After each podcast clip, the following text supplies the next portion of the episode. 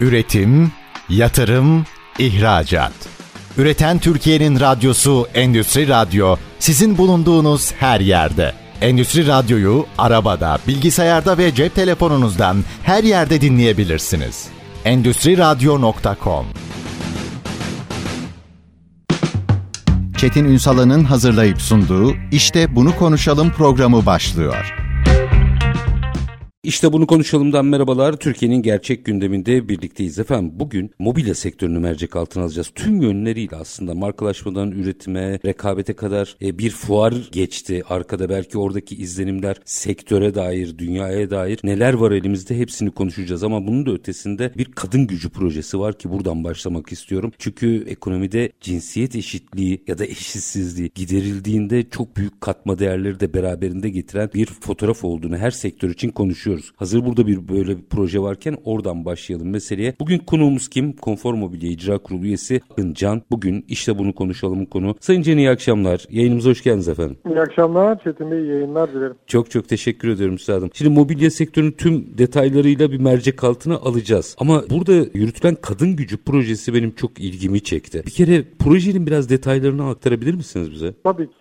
Tekrar iyi akşamlar ve yayınlar. Kadın gücü projesi ismi bile bizim için o kadar hassasiyet hassasiyetle seçtiğimiz bir isim ki ki bünyemizde çalışan bir anlamda beyaz yaka ve mavi yakada kadın arkadaşlarımız var ve bu projenin ismiyle hep beraber oturduk. O kadar hassas davranıyorlar ve ben projenin önemini orada bile daha iyi anladım. Çünkü böyle bir beklenti var. Artık ekonomide cinsiyet ayrımcılığının oluşmaması, hatta eşitliğin sağlanması, hatta pozitif ayrımcılığa bile süre gelen bir proje ve kadın gücü projesi. Grup olarak Mart ayı önümüzdeki ay itibariyle sektörün en büyük üretim ve yaşam kampüsüne taşınıyoruz yaklaşık 163 bin metrekarelik bir alana geçiyoruz ve bu alanda da 2500 kişi istihdam sağlamayı planlıyoruz. Kendi aramızda yönetim ekibimizle yaptığımız toplantılardan mobilyanın bir sanat ve zanaat olduğuna karar verdik ve bu noktada da kadının elinin değdiği her yerin güzelleşeceğini de düşünerek ve kadın gücü projemizi başlattık ve bu proje kapsamında mesleki eğitim kampüsleriyle, Çalışma ve Sosyal Güvenlik Bakanlığı'yla birlikte çalışarak ve yerelde bulunan birçok halk eğitim merkezleri vesaireyle çalışarak yeni yılla birlikte ki bu yıl artık başladığımız bir periyottan bahsediyorum ben. Kadın çalışan sayımızı mevcut çalışan sayımız oranında %40'lara ulaştırmak diyoruz. Şu anda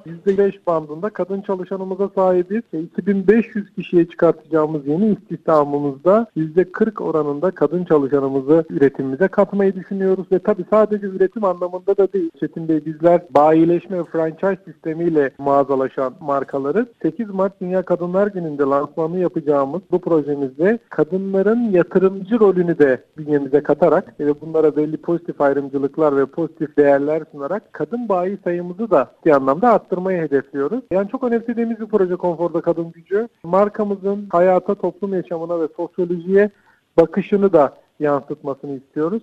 Var hayalimiz. Hayalimiz %40 kadın çalışanla birlikte modayı ürünlerimize yansıtmak. Üstadım e, şimdi tabii normalde ben hiçbir firma özeline girmiyorum. Ama Hı-hı. şimdi bu proje birçok kişiye örnek olması anlamında önemsediğim Hı-hı. ve özellikle girmek istediğim bir mesele. Dediniz Çok. ya o Çalışma Bakanlığı ile vesaire bir arada çalış. Biraz yapılanmayı anlatabilir misiniz? Tabii ki. Başka tabii. sektörlerde de mobilya sektöründe Hı-hı. de herkesin en azından böyle düşünenlerin izlemesi gereken Hı-hı. yolu bir öğrenelim isterim burada da. Kesinlikle. Nasıl bir yapı kuruldu orada? Öncelikle şunu söyleyeyim. Ürettiğimiz ürünler aslında çok teknik ve teknolojik ürünler. Belli bir üretim zorlukları, yer yer handikaplarına da gebe ürünlerden bahsediyoruz Hı-hı. üretim safhasında. Fakat bu cinsiyete bağlı zorluklar değil. Yani kadın veya erkek tüm e, cinsiyetlerin üretebileceği bir endüstriden bahsediyoruz mobilyada. Burada şöyle bir algı var. Mobilya üretimi sanki erkek hegemonyasında olabilecek bir üretim safhasıymış gibi. Halbuki sektör ve teknoloji çok değişti. Artık teknoloji teknolojinin her anlamı üretim safhalarımızı kolaylaştırıyor ve kolaylaştırılan üretim safhalarında kadın veya erkek hiç ayırt etmeden üretimimize katabiliriz diye düşünüyoruz. Bu noktada yaklaşık bir ay sonra taşınmaya başlayacağımız yeni kampüsümüzde, kampüsümüz öncesinde kampüsümüzün bulunduğu lokasyon, ilçe ve yerleşkelerde eğitim alanları oluşturduk. E, açıkçası oradaki ticaret odalarıyla, halk eğitim merkezleriyle butik atölyeler kurduk. Pardon yani, çok özür diliyorum. Anlayabilmek için söylüyorum. Tabii. E, var olmayan olmayan aslında sıfırdan evet. yetiştirilecek personelden evet, bahsediyorsunuz. Evet tamamen onun altını çizmek Çok güzel. istiyorum. Lütfen şimdi. devam edin. Çünkü e, hani sektörümüzde bir çok fazla bir okul ve mesleki lise var tabii ki ama hani orada cinsiyeti çok ayıramıyorsunuz. Hı hı. Ve genellikle erkek tercih edilen bir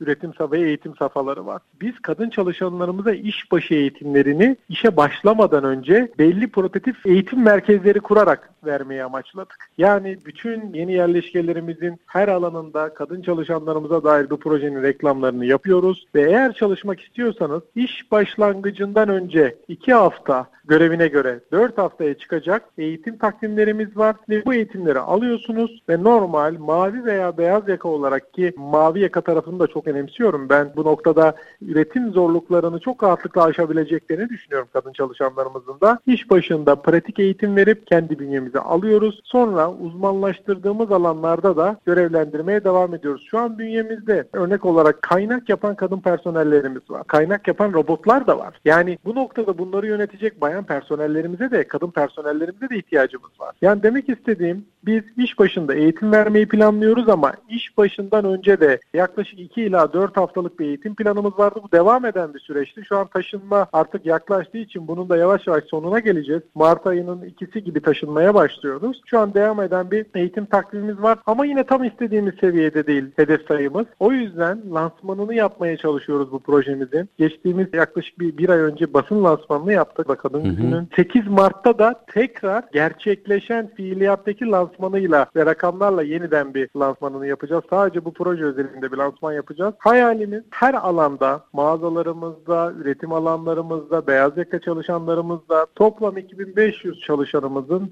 %40'ını kadınların oluşturması. Bu çalışan tarafında, bayileşme tarafında ise Çetin Bey, kadın çalışanlarımıza pozitif ayrımcılık sunacak bir yatırım paketleri hazırlıyoruz. Yani çok kolay kadın çalışan kadınlarımız çok kolay bizim sektörümüze, bizim markalarımıza yatırım yapabilsin diye bir franchise stratejisi oluşturuyoruz. Yani kadın ise ve benim tak markalarımın bayiliğini Markalara çok girmeyin ne olur rütük nedeniyle. Bizim Buyurun. markalarımız kesinlikle bayilik almak istiyorsa buna özel bir franchise paketi oluşturuyoruz. Burada da kadınlarımızı yatırıma da teşvik etmek istiyoruz. Ama dediğim gibi 2500 çalışanımızın %40'ı kadın olması bizim temel stratejimiz, amacımız. Umarım da buna ulaşacağız. Şimdi e, o tesis yaklaştığına göre eğitimler herhalde artık o eğitimin metodolojisiyle ilgili de birazcık açabilir misiniz? Tabii ki, tabii kim ki. ne öğretiyor, kim ne anlatıyor ve tabii. özellikle bölgeden kadınlar çünkü eğer burada 100 kadın bu işlere girsin devamı gelir. Tabii ki. Tabii ki. Oradaki metodolojiyi biraz açabilir misiniz bize? Şöyle, ne öğretiliyor onlara? Belirlediğimiz alanlarda örnek vermek gerekirse bizim üretim teknolojilerimizden bahsederek konfeksiyon bölümlerimizde dikiş öğretmeye çalışıyoruz. Çünkü hmm. bizim konfeksiyon alanlarımızda ürünlerin dikiş ve buna bağlı işlemleri yapılıyor. Oluşturduğumuz atölyelerde iş başından önce dikiş makineleri üzerinde ve bizim kendi formen düzeyindeki eğitmenlerimizle birlikte bizim üretimlerimizde çalışmak isteyen bayanlara dikiş eğitimi eğitim veriyoruz. Ama mobilya dikiş eğitim veriyoruz. Yani biraz direkt endüstriyel bir eğitim vermeye hı hı. çalışıyoruz.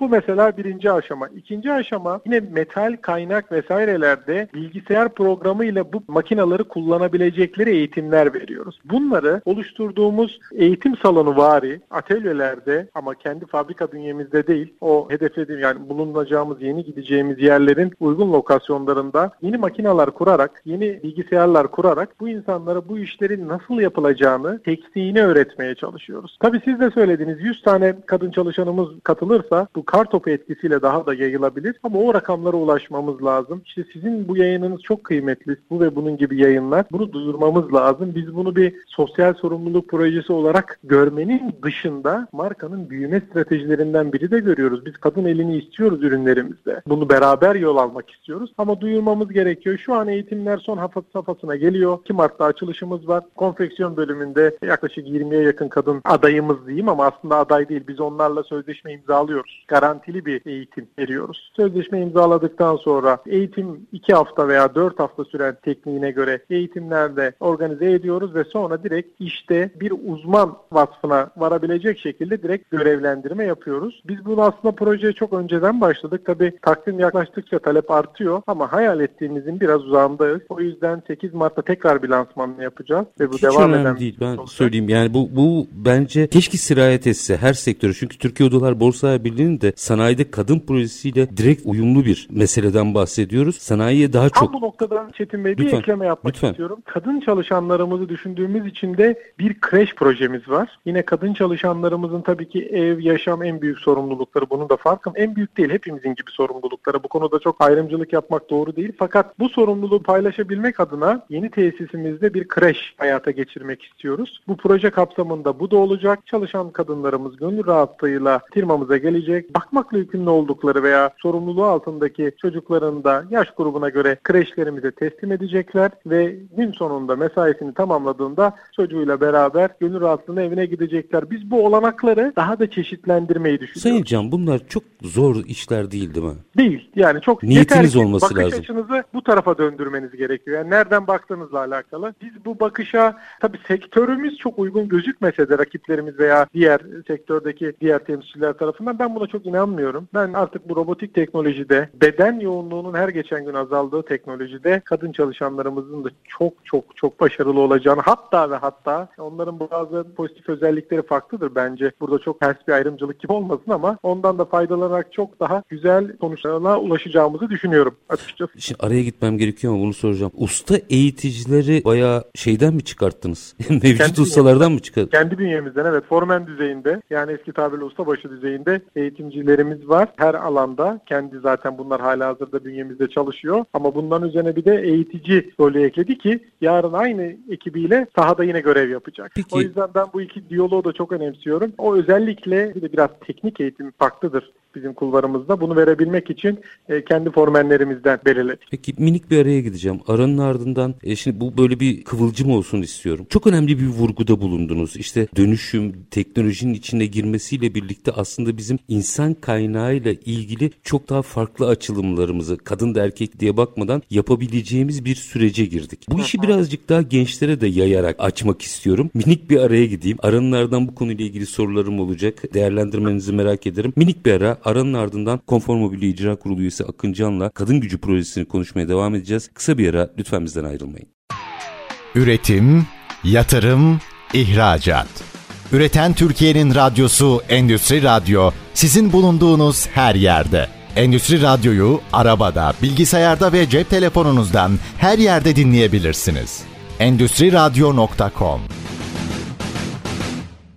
Kısa bir aranın ardından işte bunu konuşalım demeye devam ediyoruz. Konuğumuz Konfor Mobilya İcra Kurulu üyesi Akın Can. Kadın Gücü Projesi'ne mercek tutuyoruz. Sayın Can bir kere mesela o mobilya dikişinden bahsettiniz ya. Performans nasıl? Çıktılar nasıl? Yani şöyle söyleyeyim çıktılar aslında hiç ön yargıyla yaklaşılacak gibi değil gayet verimli. Hatta Bu, bu arada çok özür diliyorum. Bu soruyu sorarken kadın diye sormuyorum. Bir meslek öğrenmek öğrenmek diye soruyorum. Evet evet. Yani yeni zaten artık kadın diye ele almıyoruz. Yani tamamen yeni başlayan diyoruz. Çünkü biz o konuda ayrımcılığa pozitif yönlü bakmak istiyoruz. Yeni başlayan insanların yatkınlığı tabii ki belli bir süreçte geçmesi gerekiyor. Çünkü biz bir yerde de biraz zanaat ürünleri gibi bir ürünler üretiyoruz. Yani el emeği, işçiliğin de yoğun olduğu yine robotik teknolojimiz var ama biz sadece koltuk üretmiyoruz. Biz panel yatak odası üretiyoruz, yatak baza başlık üretiyoruz ve koltuk üretiyoruz. Panel tarafımızda daha robotik bir üretim olmakla beraber koltuk, soft, yatak baza başlıkta biraz daha el işçiliğine dayanan bir üretim. Tabii el işçiliği de tecrübeyle Zaman çok istiyor. az zirveye ulaşabilir. Buna da çok yatkın. Ama başlangıç için oldukça muazzam sonuçlar var. Gerçi ayrımcılık olmasın ama kadının bir yerde yanlığını da hissediyoruz diyebilirim. Ama biz varacağımız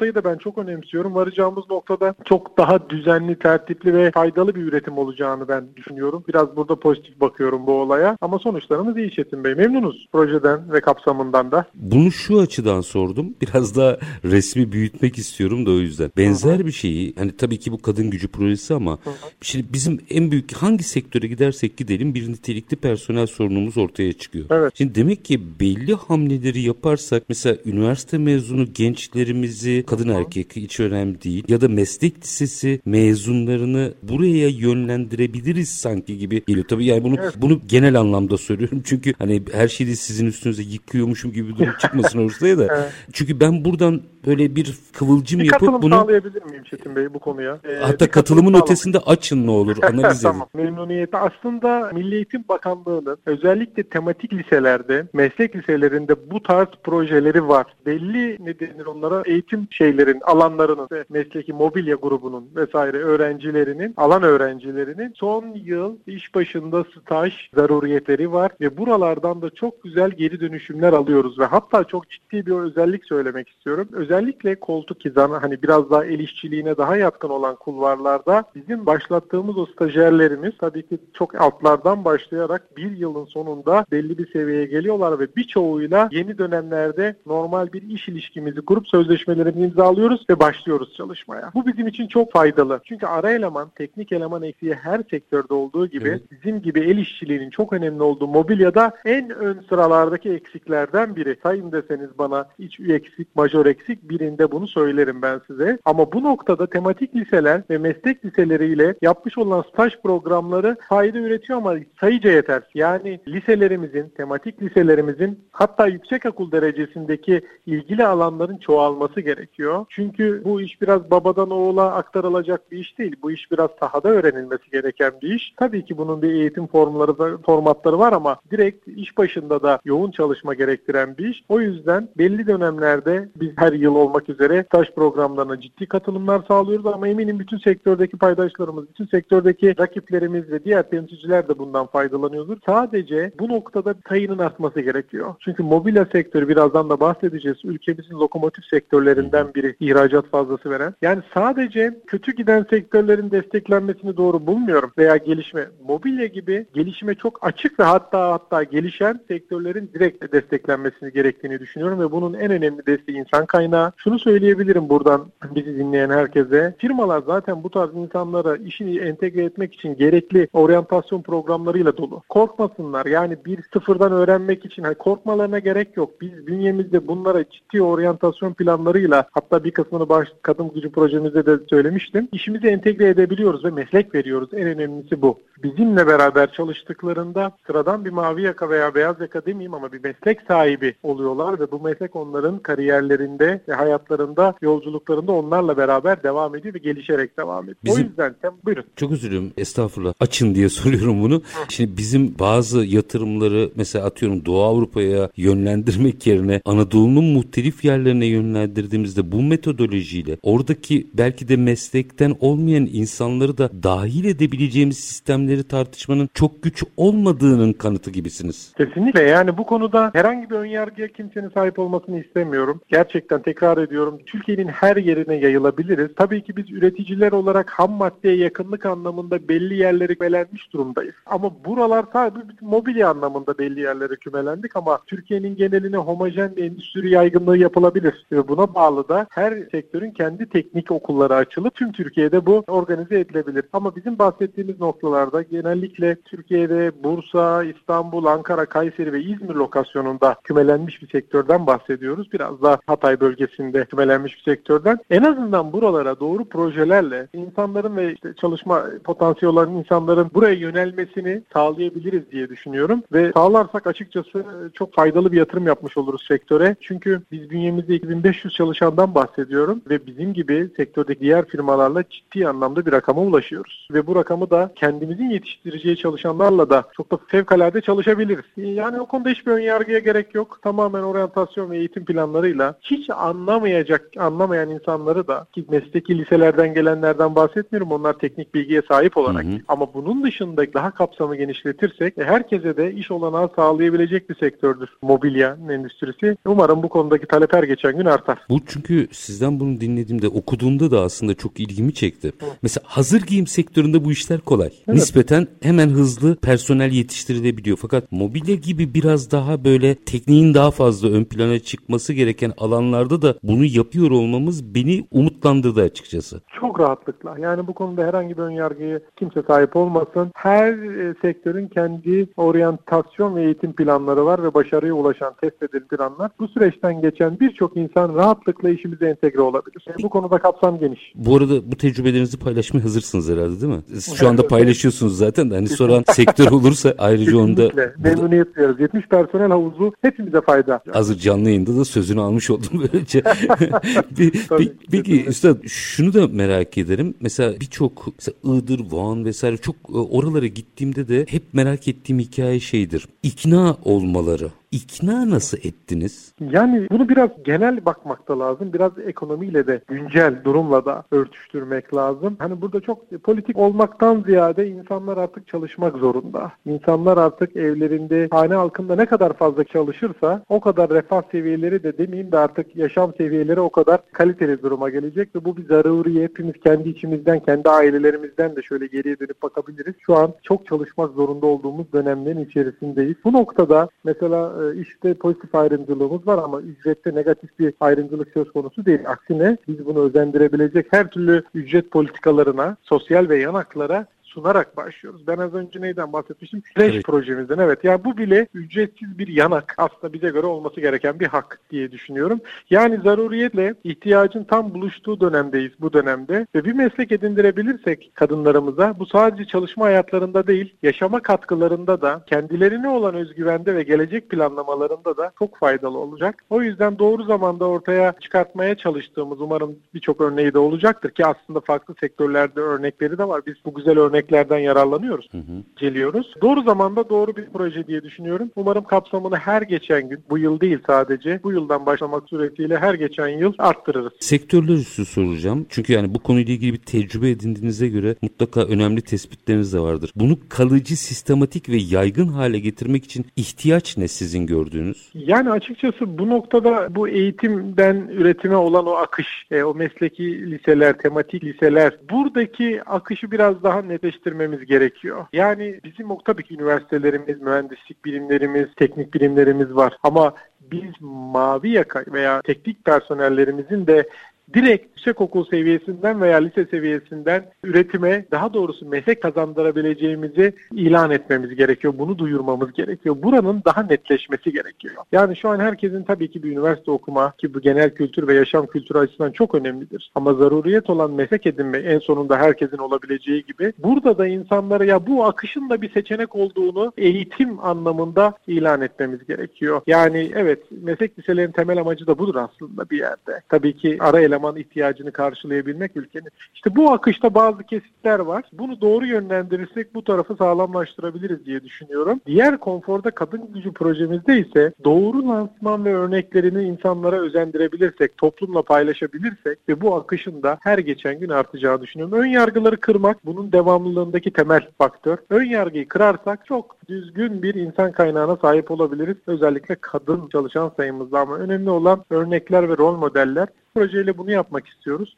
Bizim başarıya ulaşmamız noktasında umarım birçok sektördeki diğer temsilciler de bu projeyle birlikte bunun gibi projelerle ortaya çıkacaktır diye düşünüyorum. Bu açıdan baktığınızda şimdi bir araya gideceğim ama araya gitmeden önce bunun yanıtını almak istiyorum. Çünkü aranın ardından direkt mobilya sektörüyle ilgili de Hı-hı. tespitlerinizi merak ederim. Bir ifade kullandınız ya teknolojiyle birlikte işler daha kolaylaştı. O entegrasyonla ilgili dikkat edilmesi gereken nokta var mı? Şu anda teknoloji bizim işimizin direkt girdisi. Yani firmaların üretim kapasitesi ve verimlilikleri tamamen teknoloji yatırımlarıyla alakalı alakalı. Bu noktada kullanılan ekipmanlar her geçen gün daha teknolojik hale gelerek çalışanlarımızın konforunu daha da kolaylaştırıyor. İş yapış şekillerinde çok ciddi kolaylıklara sebep oluyor. Çok teknik konulara girebiliriz ama en basit örneğini vereceğim. Bizim çalışanlarımızın bir kısmı istasyonlarda taşıma görevlileridir. Bu istasyon arasındaki taşımalarda birçok teknolojik alet artık çalışma arkadaşlarımıza yardımcı oluyor. Ve işin ağırlığı, bir bireyin üzerine düşen ağırlık her geçen gün azalıyor. Bu da bir noktada mutlu bir çalışan ve çalışanda da derecelendirme yapmamıza gerek olmuyor. Herkesin yapabileceği iş sayısı kendi endüstrimizde artmaya başlıyor. O yüzden firmalar bu tarz yatırım yaparken sadece üretim adetlerini değil, çalışanların iş yapışını kolaylaştırıcı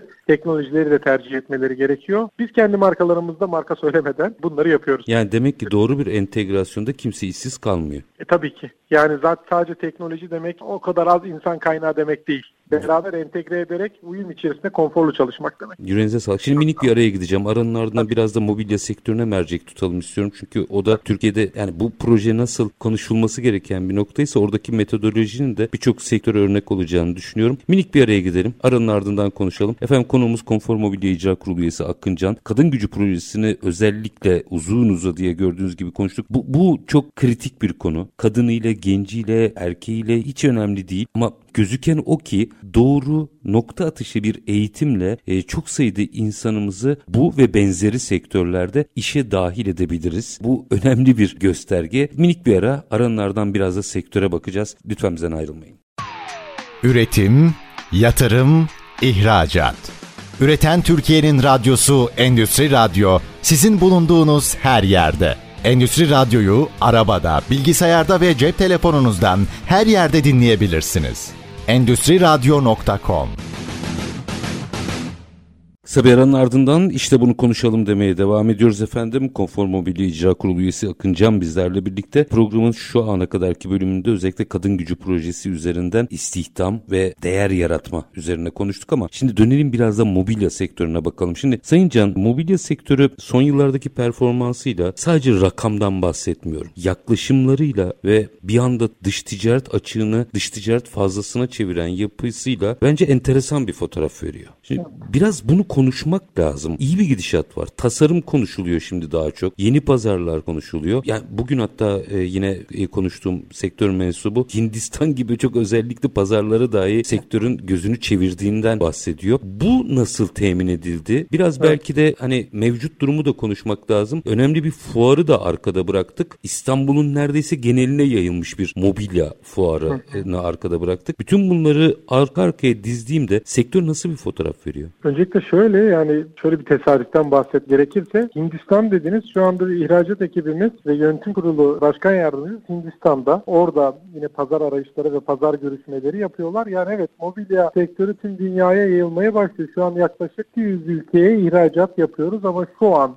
şimdiki rakam muhtemelen bir sonraki yıl bu rakam çok daha yüksek noktalara gelecek. E, açıkçası şöyle tasarım dediniz altını çizerken bu çok doğru bir yaklaşımla tası bana attınız. Şöyle söyleyebilirim. Türk mobilyası özellikle son 5 yıldır hatta 2001'de ya son 5 yıl çok dar bir bakış açısı olur ama 2001'den bugüne ve daha da son yıllarda daha da hızlanarak tasarım odaklı yapısıyla ön plana çıkmaya devam ediyor ve yavaş yavaş rakiplerinden bu noktada ayrışıyor. Ciddi üreticiler var dünya genelinde ama Türk mobilyası üretici, iyi bir üreticinin yanına tasarım markası olarak da her geçen gün ayrışıyor. Şimdi bu da bize dünyanın birçok noktasından alıcı temin ediyor ve ürünlerimiz dünyanın birçok noktası ulaşabiliyor. Tasarım markası olmak, yani tasarım ülkesi olmak iyi bir planlama ve iyi bir stratejiyle hayata geçebiliyor. İyi doğru stratejilerle de hedef pazarlarda var olabilmemiz her geçen gün artıyor. Bu noktada fuardan bahsettik. Evet fuar açıkçası dünyanın en büyük fuarlarından biri. Ülkemizin de hemen hemen en büyük e, ilk üç fuarından birinden bahsediyorum. E, ekonomiye direkt katkısı sektör ihracatının hemen hemen %50'sinin 3 milyar dolar civarındaki bu ülke hedefe yansıması olacak. Hemen hemen %50'sinin o fuarda organize edilen bir yapıdan bahsediyorum. Dünya genelinde 24-25 bin civarında katılımcı geldi. Bu fuarda iki fuar alanında yaklaşık 1200 katılımcıyla 1200 fuara katılan katılımcı ve üretici ile birlikte bir fuar dizayn edildi, organize edildi ve bütün dünyadan da alıcılar geldi. Burada sektör sektörümüz açıkçası ihracat içerisindeki payımız hala %1.82 civarında Türkiye'nin ihracatındaki genel payı. Daha da artacak. Bu pay son 10 yılda inanılmaz rakamlarla katlayarak ilerledi. Doğru. O yüzden büyüme rotasındaki sektörlere ki mobilya bunların hemen hemen en başında geliyor. Size söylediniz. İhracat fazlası veren bir sektörüz. Tekstil gibi, belli dönemlerde inşaat gibi. Mobilya da böyle bir sektör ve daha çok desteklenmesi lazım. Güzel bir fuar geçirdik. Dünyanın birçok noktasından alıcılar geldi. Tabii burada burada lojistik anlamında da dünyanın merkezin lojistik merkezlerinden, stratejik merkezlerinden birinde olmamız da bizim büyümemizdeki önemli artılardan biri. Bir de sektörü her geçen gün endüstri haline geliyor. Yani mobilya bir atölyeden, bir zanaat alanından çıkıp daha bir sanayileşiyor. Ve bu sanayileşmeyle birlikte ürettiğimiz adet yoğun ürünleri ve tasarım ürünlerini satmak için hedef pazar arayışına gidiyoruz. Turkalisi de bu noktada devletin de marka destek programı önemli bir destek. Hem markamız hem de bazı markalar Turkalisi destek kapsamında hedef pazar stratejisiyle birçok noktada markalaşmada destekleniyor. Ama ben bütün rakamların altını çizerken markalı satışların artması gerektiğini de her geçen gün her katıldığım yayında da söylemeye çalışıyorum. Eğer ihracatta devamlılığı koruyacağız, büyüme trendini aynı hızla devam ettirmek istiyorsak markalı satışlarımızı arttırmalıyız. Bunun da yolu tasarım odaklı yapıdan geçiyor. Geçtiğimiz yıl ciddi bir rakam belirli. Dünya genelinde Çetin Bey şöyle bir bilgi vermek gerekirse mobilya ihracatı genel olarak azaldı. 2020 2023 zor bir yıldı. Ee, Birçok alanda yaşadı. %7 oranında mobilya ihracatı küçüldü. Fakat bu küçülmeye de biz %2 gibi bir küçülme yani mevcutu koruduğumuz bir yıl oldu. Mevcutu koruyarak bile dünya sıralamasında 11.likten 7.liğe yükseldik. Aa, çok yani her geçen gün daha da büyüdüğümüz. Sallanan da, rakipler kim oldu? Ya açıkçası bu noktada biraz yılın ilk yarısında ulaşım kaynaklı Çin hmm. pazar payını kaybetti. Fakat bu da yılın sonlarına doğru tamamen konteyner savaşları dediğimiz lojistik avantajlarıyla Çin o pazar payını toparlayacak gibi gözüküyor.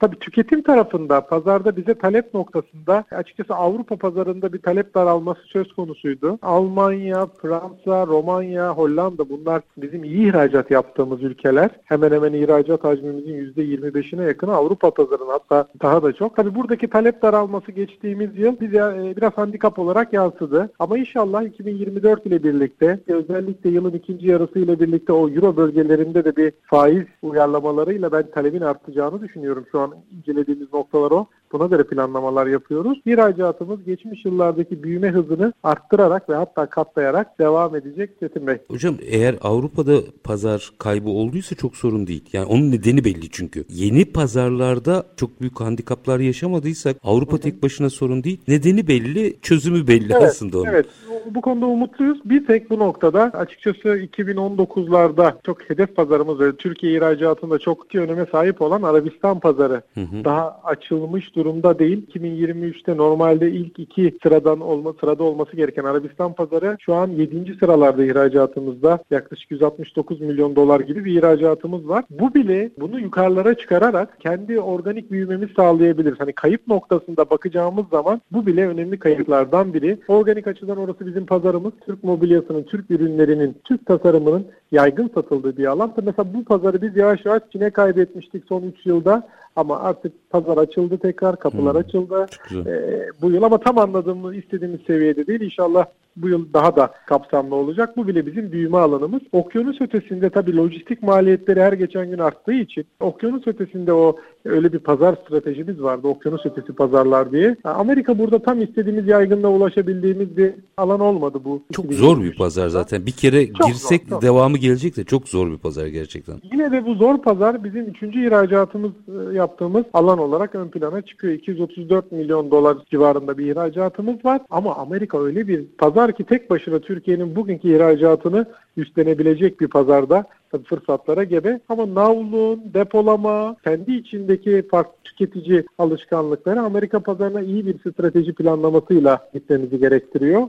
Deniyoruz şu an. Şu an Türkiye'nin mobilya ihracatında 3. sırada Amerika. Her geçen gün de artacaktır. Yani Türk mobilyası, Türkaliti projesi, tasarım merkezleri stratejisiyle birlikte dünyada büyüme alanını genişletecek. Yani biz şu an 7. sıradayız ama ihracattaki dünya ihracatındaki payımız çok daha küçük. Hı hı. 1.7-2 bandında bile değiliz belki de. Yani büyüme alanımız çok var. Bu pazardan daha çok pay alabiliriz. O yüzden birçok noktada desteklenmesi ve önünün açılması gereken bir sektör. Süren bitti ama iki dakikada şunu almak isterim açıkçası. Şimdi söz buraya kadar gelmişken. Şimdi e, milli duygularla çok farklı şeyler söyleyebilirim ama gerçekçi duygularla bakayım. Kalite veya işte işçilik vesaire onlara hiç gir yani orada çok daha iyi de olabiliriz. Ama bir realite var. Mesela İtalya dediğimiz anda herkesin kafasında bir şey canlanıyor değil mi? Mobilyada moda. Evet direkt. Evet biz sanki bir yerlere kadar geldik ve bir kırılma anındayız. O kırılmayı nasıl yapabiliriz? Ne yapmak? Neye ihtiyacınız var? O kırılmayı aslında en başa tekrar dönecek tasarımla ve doğru stratejiyle kırabiliriz. Stratejiden kastettiğimiz bugünden bir pazara ulaşma stratejisinden bahsetmiyorum. Ülke olarak sektörün 10 yılını belki de 20 yılını planlamaktan bahsediyorum